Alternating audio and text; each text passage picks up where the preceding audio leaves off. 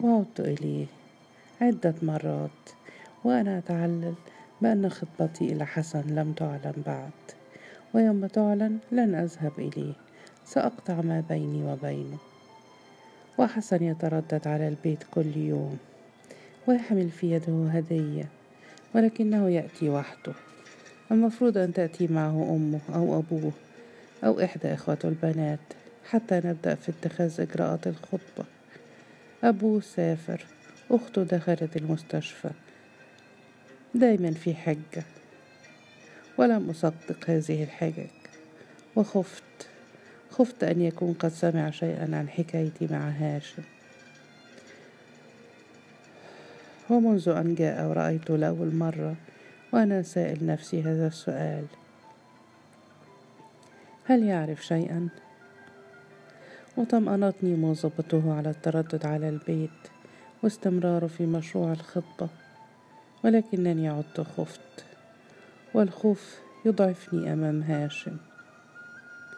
إلى أن كان يوم وجاء حسن كعادته وبعد أن جلس مع العائلة نظر إلي نظرة طويلة وعلى شفتيه ابتسامة باهتة ثم التفت إلى أمي قائلا أقدر أقعد أنا ومين ويا طنط لوحدنا شوية؟ والتفتت أمي إلى زوجها ثم قالت وماله يا ابني ده حقك. وكانت أمي حريصة إلى هذا اليوم ألا تتركنا وحدنا. والتفت إلي حسن وقال تحبي نقف في الفرندا شوية؟ هززت رأسي بالموافقة وخرجت إلى الشرفة وقلبي يرتجف. وأشعل سيجارته وصمت قليلا ثم قال أنا هكلمك بصراحة يا مينو. مش هخبي عنك حاجة واللي يخليني أكلمك بصراحة إني فعلا أتمنى اليوم اللي نتجوز فيه. أنا حاسس من دلوقتي إني بحبك وبحبك أوي كمان. ورفعت إليه عيني الواسعتين دون أن أتكلم. لم أجد شيئا أقول له. واستطرد حسن قائلا أنا أمي وأخواتي معارضين في جوازنا. ورفعت إليه رأسي في لفتة عنيفة كأني ضقت بخوفي وارتجافة قلبي وقلت والدماء تتجمع في رأسي.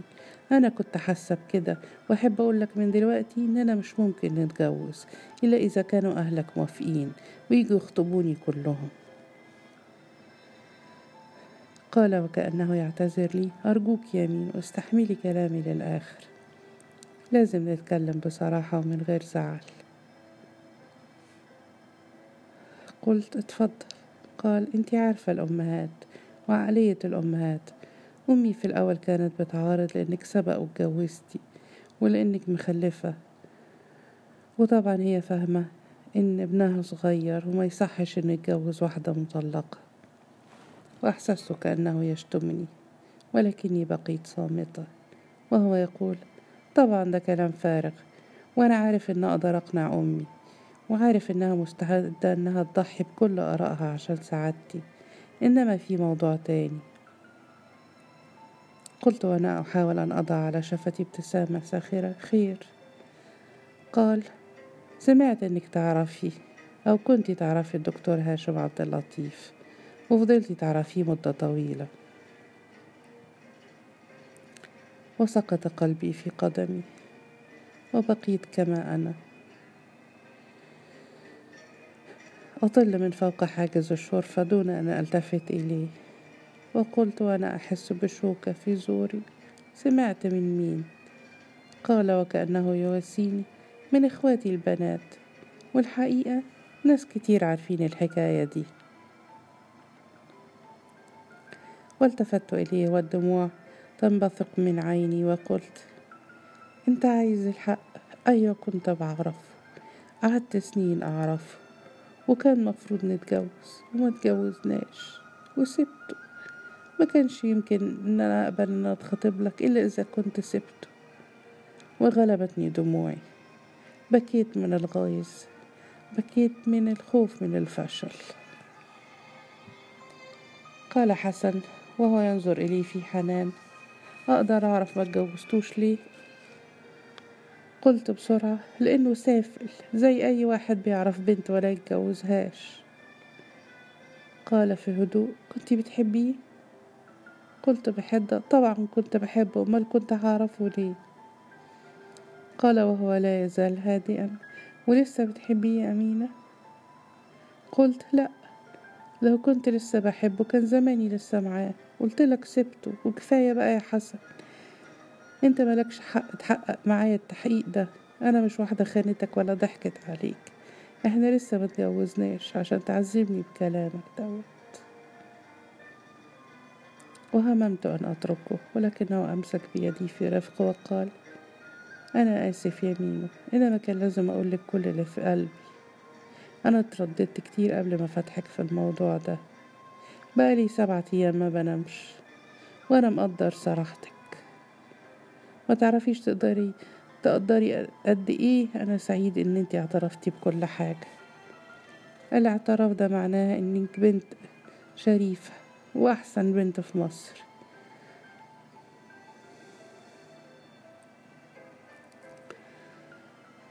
إنما أنا عايزك تسيبيني يومين. أفكر فيهم. في حاجات لازم تخلص قبل ما أخد قراري. قاطعته قائلة فكر زي ما أنت عايز. هتقول لماما وجوزها إيه؟ قال هقول لهم إن أنا لسه بقنع أمي. ولكن بعد فترة لقيتني بقول لنفسي من حقه إنه يعرف بقراري. من حقه إنه يعرف إني قررت أبعد عنه. إني لا أستطيع أن أهجره هكذا دون كلمة وداع. ثم أنه صاحب حق علي. أربع سنين من عمري ليست شيئا هينا. حتى أسحبها منه بلا كلمة. ورفعت سماعة التليفون واتصلت بيه وسمعت صوته منطلقا طبيعيا. كأنه لم يشعر بأنه مر يوم دون أن أتصل به. وقال كنت فين؟ ما تكلمتيش امبارح ليه؟ قلت في وقار وقلبي يخفق لسماع صوته. وحشتك؟ قال طبعا. قلت وأنا أضع رن التحدي في صوتي. يظهر أني هوحشك على طول. قال وقد هدأ انطلاق صوته. قصدك إيه؟ قلت خلاص هتخطب. وسكت سكت برهة طويلة. وقلت وكأني شامتة فيه. زعلت. قال وفي صوته حشرجة طفيفة. أبدا. بس يمكن اتفاجئت. وسكت قليلا ثم قال ومين الخطيب المرة دي؟ قلت وكأني أغيظه واحد كويس أوي. قال اسمه إيه؟ قلت ما أقدرش اقولك عليه. فقال مادام كويس مش عايزة تقولي اسمه ليه قلت مش دلوقتي يمكن اقولك بعدين. المهم إن أنا مش هقدر أشوفك بعد كده. قال وهو يتنهد. برضو أحسن. واغتصت. كنت أريد أن يطلب لقائي ولو لاخر مرة. كنت أريد أن يتوسل إلي أن يبكي. أن يشعرني بأنه لا يستطيع أن يستغنى عني لا يستطيع أن يعيش بدوني ولكنه لم يفعل. تركني لقراري.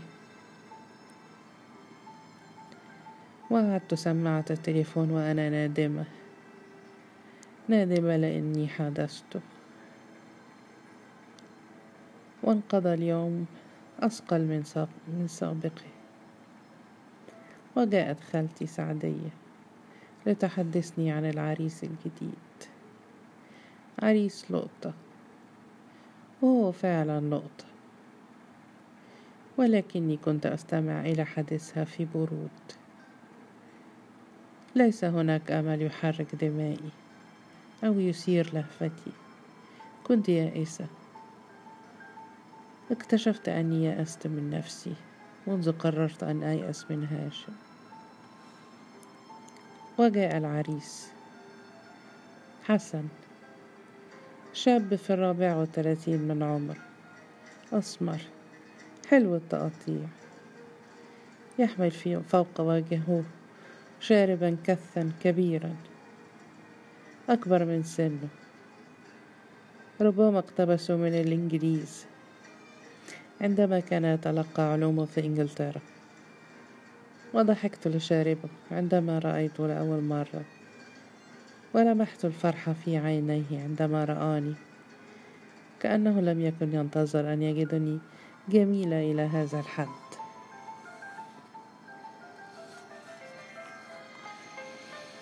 وجلست أمامه وأنا أدعي خفر العروس وهدوءها. وهو ثابت الشخصية جريء لم يرتبك ولم يتلعثم. رغم فرحته التي تبدو في عينيه. ولم تنقضي لحظات حتى ملك الحديث كله وأثارت ضحكات أمي وقهقهة زوجها.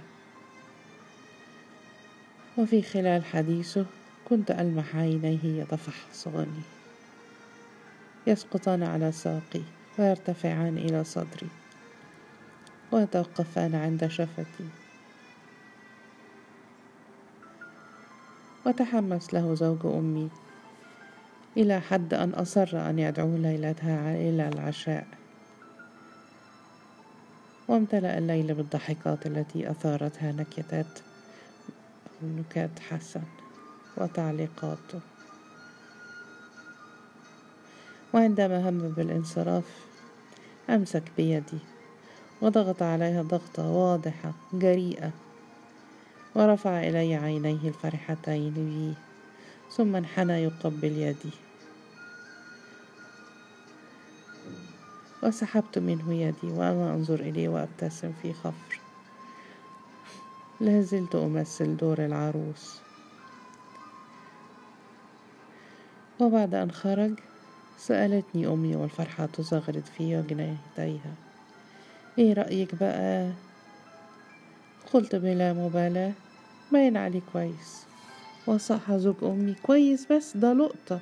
علم ومركز وعيلة عمرك ما هتلاقي أحسن منه.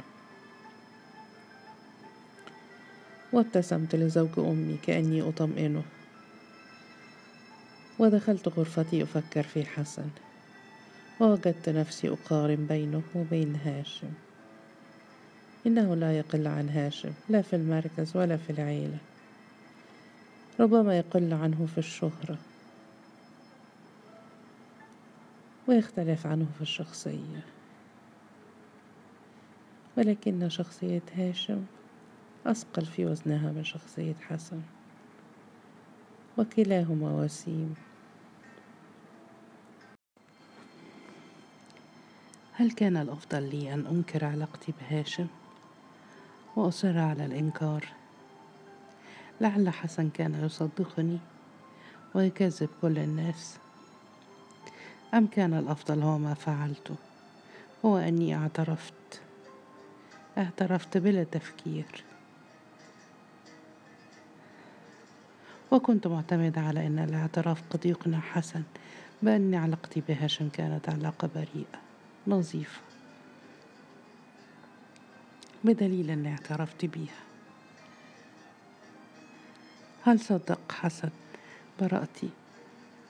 هل يعود؟ لا أدري. ولكنني تبينت ساعتها أني بعت مستقبلي كله لهاشم. إني لم أعد أستطيع أن أتزوج. لا يكفي أن أكون جميلة. ولا أن تكون أمي وخالتي الخمسة حتى أستطيع أن أتزوج في أي وقت. وامتلأت بالحقد. الحقد على هاشم. لقد بعت مستقبلي. وربما مستقبل ابنتي. وهو لم يبعني أي شيء. سوى تلك اللحظات القصيرة والنقود التي يعطيها لي. وشعرت كأني أفيق. أفيق إلى الهوة السحيقة التي ترديت فيها. وتصورت نفسي كأني أنشب أظافري في جدار أملس لأتسلق وأصعد إلى وجه الدنيا إلى النور إلى المستقبل.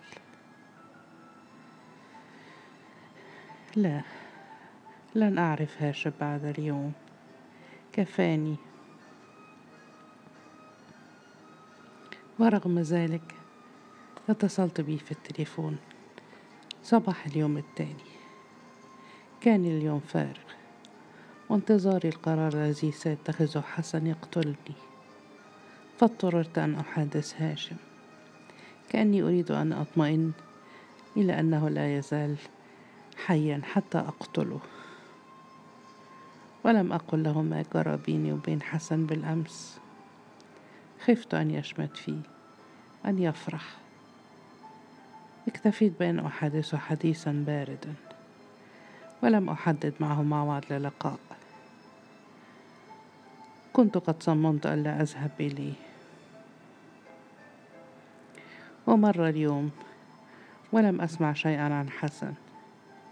واليوم الثاني. وفي اليوم الثالث اتصل بي بالتليفون. كان رقيقا مهذبا. وفي صوته رنة ألم. وحدثني عما سمعه من الناس. وكذبت له كل ما سمعه. انت عارف كلام الناس يا حسن. يعني هما كانوا معايا يا حسن. الناس ما يصدقوا يلاقوا حاجة يتكلموا فيها. أصل عشان هاشم مشهور. الكلام كتر حوالينا يا حسن. وحسن يبذل كل جهده ليصدقني. وليخرج من حيرته. واستمر يحدثني في التليفون كل يوم. أحيانا مرتين وثلاثة في اليوم. إنه يحبني. لا شك أنه يحبني. وأمي واقفة بجانبي تتلقى مني نشرة الأخبار. ويطمئن قلبها حينا وتيأس حينا. وطول هذه المدة لم أذهب إلى لقاء هاشم. كنت خائفة على نفسي من لقائه خائفة أن يطير مني حسن. ولم يكن حسن وحده يكفي ليشغلني عن هاشم. أبدا. إني لازلت أفكر في هاشم كل يوم كل دقيقة. وقلبي وجسدي يتمزقان لهفة عليه. ولكن المعركة كانت تعيني. المعركة التي أخوضها لأسترد حسن وأسترد ثقتي في نفسي في ذكائي في جمالي في قدرتي على التحكم في مستقبلي. وعاد حسن عاد يخطبني وضغط على أم وأخواته البنات حتى جئنا معهم. وحددنا مع موعد إعلان الخطبة في الأسبوع التالي. وامتلأ وجه أمي بالفرحة. وزغرطت خالاتي الخمس. واستعدت ثقتي في نفسي. ثقتي بأن مستقبلي بين يدي. وفي الوقت نفس اليوم اللي جاء فيه حسن وأمه ليخطبني. وبعد أن انصرف اتصلت بهاشم في التليفون وذهبت للقائه في اليوم التالي. ترى لو لم يعد حسن ليخطبني هل كنت أعود إلى لقاء هاشم؟ لا أدري. المهم ذهبت إلى هاشم وأنا لا زلت أتحجج بيني وبين نفسي بأن الخطبة لم تعلن بعد. ويوم تعلن سأكف عن هاشم ثم ينتهي هاشم من حياتي. واستقبلني هاشم ونظرة ضعيفة مسكينة تطل من عينيه. كان يعرف أنه لم يعد الرجل الوحيد في حياتي. هناك آخر. وشعرت بالسعادة وصلت القوة في شخصيتي. وأنا أنظر إلى تلك النظرة الضعيفة في عينيه وقال هاشم وهو يتنهد. إحنا مش لازم نشوف بعض تاني يا أمينة. قلت في استهتار ساخر ما تخافش كلها يومين ومش هشوفك تاني. يا ترى هتقدر تعيش من غيري يا هاشم؟ وهز كتفيه والألم مرتسم فوق شفتيه. وقال مش عارف هعيش إزاي إنما متأكد اني مش هموت يا أمين. وقضيت معه ساعة أو ساعتين. وأنا المسيطرة أنا القوية وكل يوم ألقاه آخذ منه كل ما أستطيع وكل ما يريد. وأكثر مما يريد. كأني أريد أن اعتصره حتى لا أترك فيه شيئا لاحد بعدي. إلى أن أعلنت الخطبة. ودعاني حسن في اليوم التالي لنسهر سويا. حاولت أمي أن تعارض. حاولت أن تبدو سيدة محافظة على التقاليد. لا تسمح لابنتها أن تخرج وحدها مع رجل. ولكن أمي لم تستطع أن تصر على رأيها. وخرجت معه. ومعنا صديق له وزوجته. وحسن مرح. يرقص. ويشرب. ويضحك. ويده لا تكف عني. أجدها فوق يدي ثم أجدها فوق فخدي ثم أجدها على كتفي وأجدها تعبس بشعري. لا أستطيع أن أتخلص منها. إني أقضي السهرة كلها أزيح يده عني.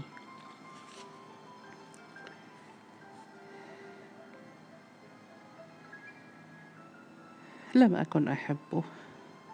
قطعا إني لا أحبه ولكني كنت أستطيع أن أحتمله. ولكن ما لم أحتمل منه هو أنه لم يستطع أن ينسيني هاشم. كان يذكرني به دائما. كان يهمس في أذني. النهاردة شفت الدكتور بتاعك. ثم عندما في حديث مع أصدقاء ويعود إلي هامسا كنت بتروحي مع هاشم فين؟ ثم يعود ويهمس. في واحدة قالت لي النهاردة إنك مش ممكن تنسي هاشم إنه مسيطر عليكي سكنك من جوه.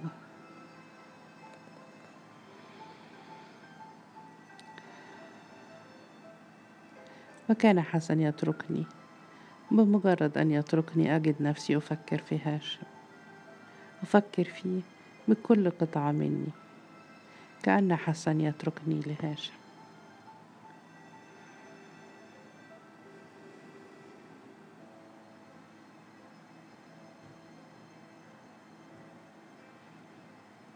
ولم أستطع أن أقاوم طويلا. ذهبت إلى هاشم ودبلة الخطوبة في إصبعي.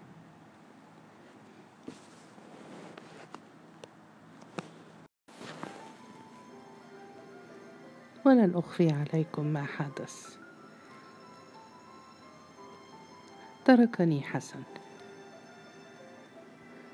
ولم تتم الزواج.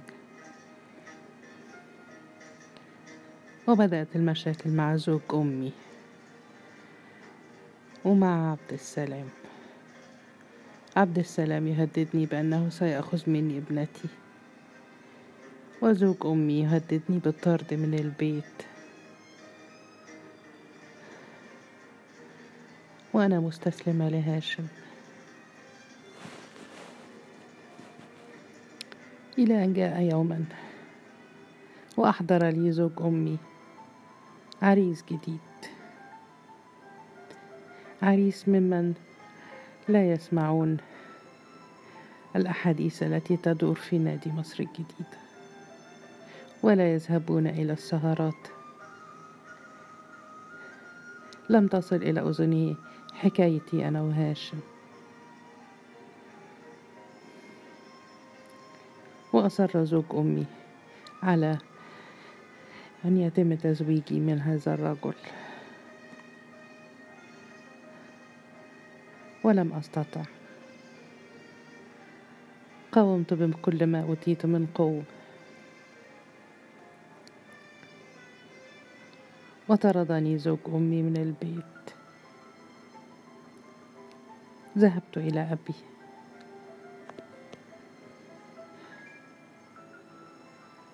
وكان أبي يمتلك عمارة في مصر الجديدة. أعطاني فيها شقة. لي أنا وابنتي. ولا أول مرة أعيش في بيت أملكه أنا لوحدي. لي أنا وبنتي. واستأجر لي هاشم شغالة. وكان يدفع مصروف البيت. وانطلقت. انطلقت مع هاشم. لا يوجد رقيب. ولا أحد يسألني متى أخرج ومتى أدخل.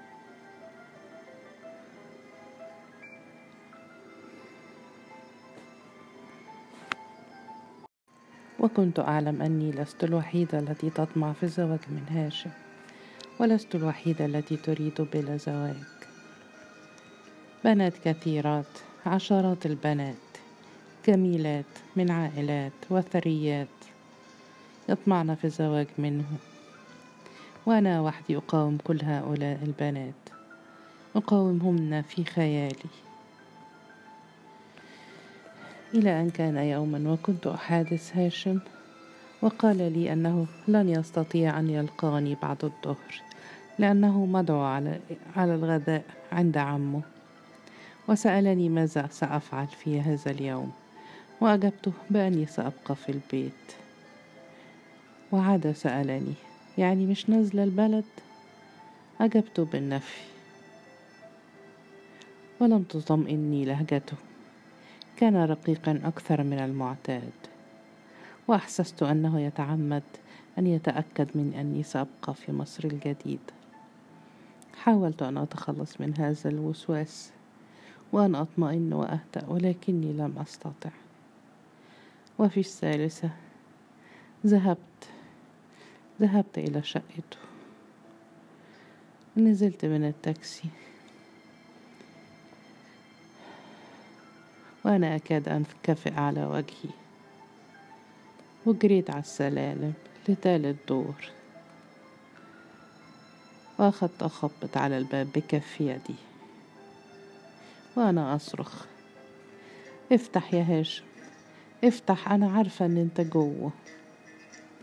لم يهمني ساعتها إلا أن يفتح لي الباب. لم تهمني الفضيحة التي أثيرها في العمارة. ولا حتى صوت عم محمود البواب وهو يصيح. جرى إيه مين اللي بيزعق فوق؟ وفجأة فتح الباب وقبض هاشم على يدي بقوة وهو يقول في صوت خافت. يا مجنونة انت عايزة تعملي لي فضيحة؟ دي عمايل بنت ناس؟ وقبل أن يضربني نزعت نفسي منه. واندفعت إلى داخل الشقة ولقيت معاه بنت. وقبل أن يلحق بي هاشم كنت قد أنشبت أظافري الطويلة في وجهها ورسمت على خديها وعلى عنقها خطوطا طويلة تسيل منها الدماء وأمسكتها من شعرها وأوقعتها على الأرض. وأنا أصرخ. كلمات كثيرة. لم أكن أعرف أني اختزنتها تحت لساني. كلمات تفقدني كل رقتي وجمالي وأنوثتي. وخرجت الفتاة. ورفع هاشم يده. وصرخت فيه. ما تضربنيش. ملكش حق تضربني. انت غلطان. وصرخت ودموعي تنطلق. اتجوزني اتجوزني لازم تتجوزني حالا. وصرخ وهو يدفع يرفع يده مرة تانية. عايزاني اتجوز واحدة مجنونة. وقعدت أصرخ لازم تتجوزني.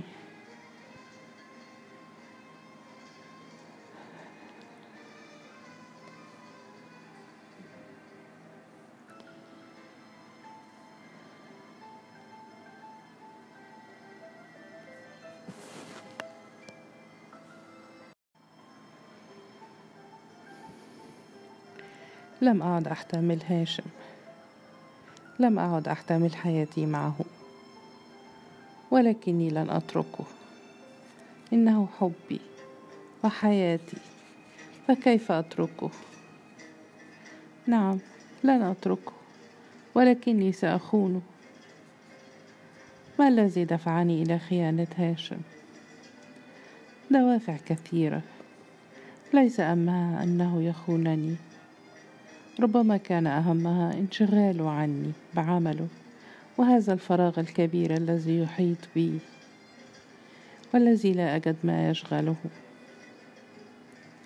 ثم إنه الخوف. الخوف من أن أفقد هاشم يوما. كان يجعلني أتلفت حولي لأنتقل الرجل الذي يعوضه عندما أفقده. ثم إني أريد أن أتزوج. ومن يدري ربما ألتقي برجل أحسن من هاشم يتزوجني.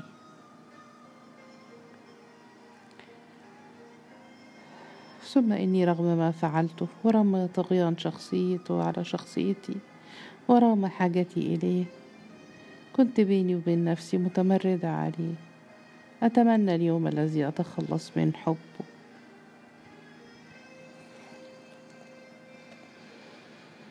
وبدأت وقتها أخون خيانات بريئة.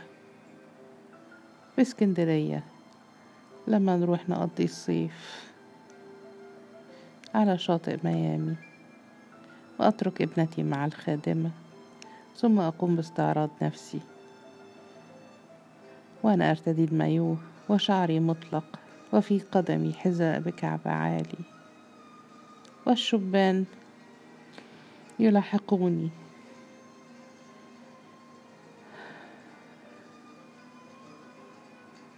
وتعرفت على مصطفى وتعرفت على أحمد وتعرفت على محمد.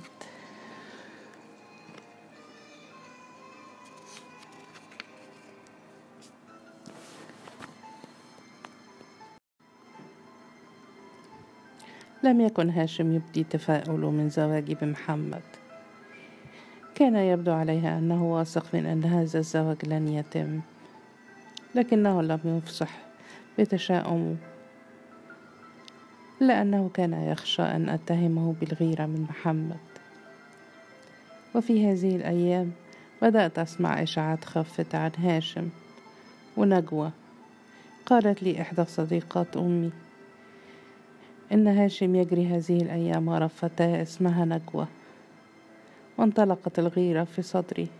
كدت أجن ولكني كتمت غيرتي. واتصلت بي بالتليفون.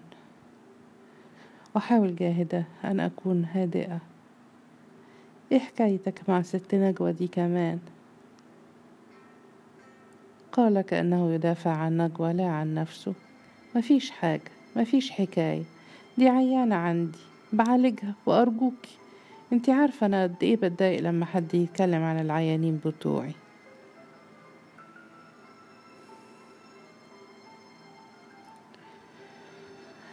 قلت وأنا أحاول أن أبدو ساخرة. على كل حال أنا أسمح لك تعرف. بس على شرط ما تحبهاش. أنا ما بحبش محمد. بس هتجوزه. قال هاشم أثار ضحكته لا تزال بين شفتيه. أنت جبارة. ثم كان آخر يوم آخر يوم في السنة. يوم رأس السنة الميلادية. قضيت ليلة رأس السنة مع محمد. وحدنا في الشقة. وكانت أول ليلة رأس السنة أقضيها مع رجل أملكه. فإن هاشم كان من عادته أن يقيم حفلة رأس السنة في بيته. وخلال السبع سنين اللي فاتوا لم يدعني إلى هذه الحفلة أبدا. كان يتركني وحدي. وعندما تدق الساعة منتصف الليل أرسل لهاشم قبلة في الهواء. ثم تدهمني خيالات بأنه ربما في هذا الوقت يرقص مع فتاة أخرى ربما قبلها. ويشتد بكائي وأنام في بحر من الدموع. أما هذا العام فإن لي رجل أملكه. أستطيع أن أعوض به كل السنين اللي تركني فيها هاشم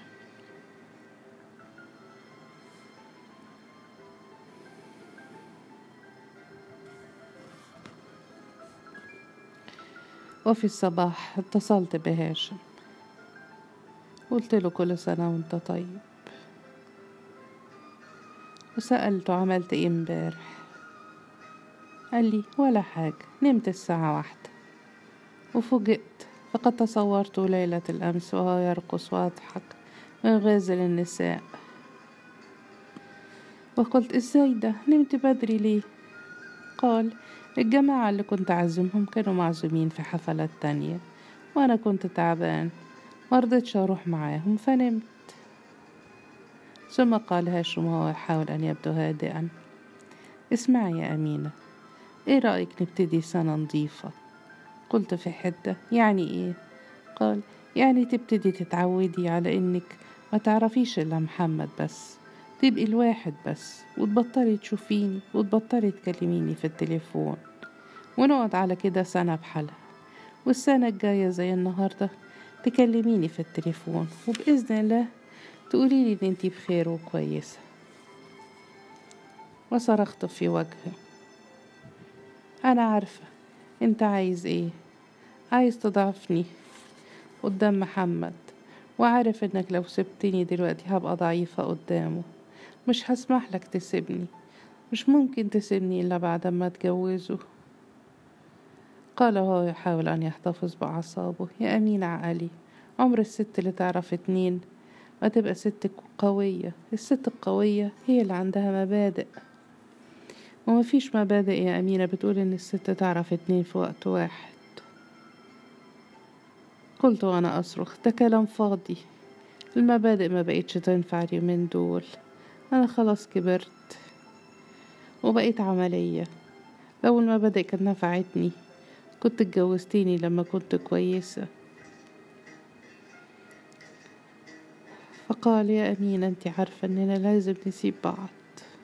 وجربنا مية طريقة عشان نسيب بعض. مفضلش غير إن إحنا نقطع علاقتنا. أنا قررت خلاص يا أمينة وأنا هسيبك وضميري مستريح. أنا سايب لك فلوس تكفيكي سنتين وسايب لك حاجات تقدري تبيعي فيها وتشتري بتمنها كل اللي أنتي نفسك فيه. وسايبك مع شاب كويس وبيحبك وتقدري تعتمدي عليه.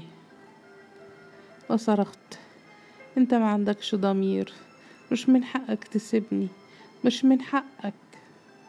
وقاطعني كأنه يطلق الرصاص على صدري. آسف أنا قررت. مع السلامة يا أمينة. ربنا معاكي وألقى سماعة التليفون في وجهي.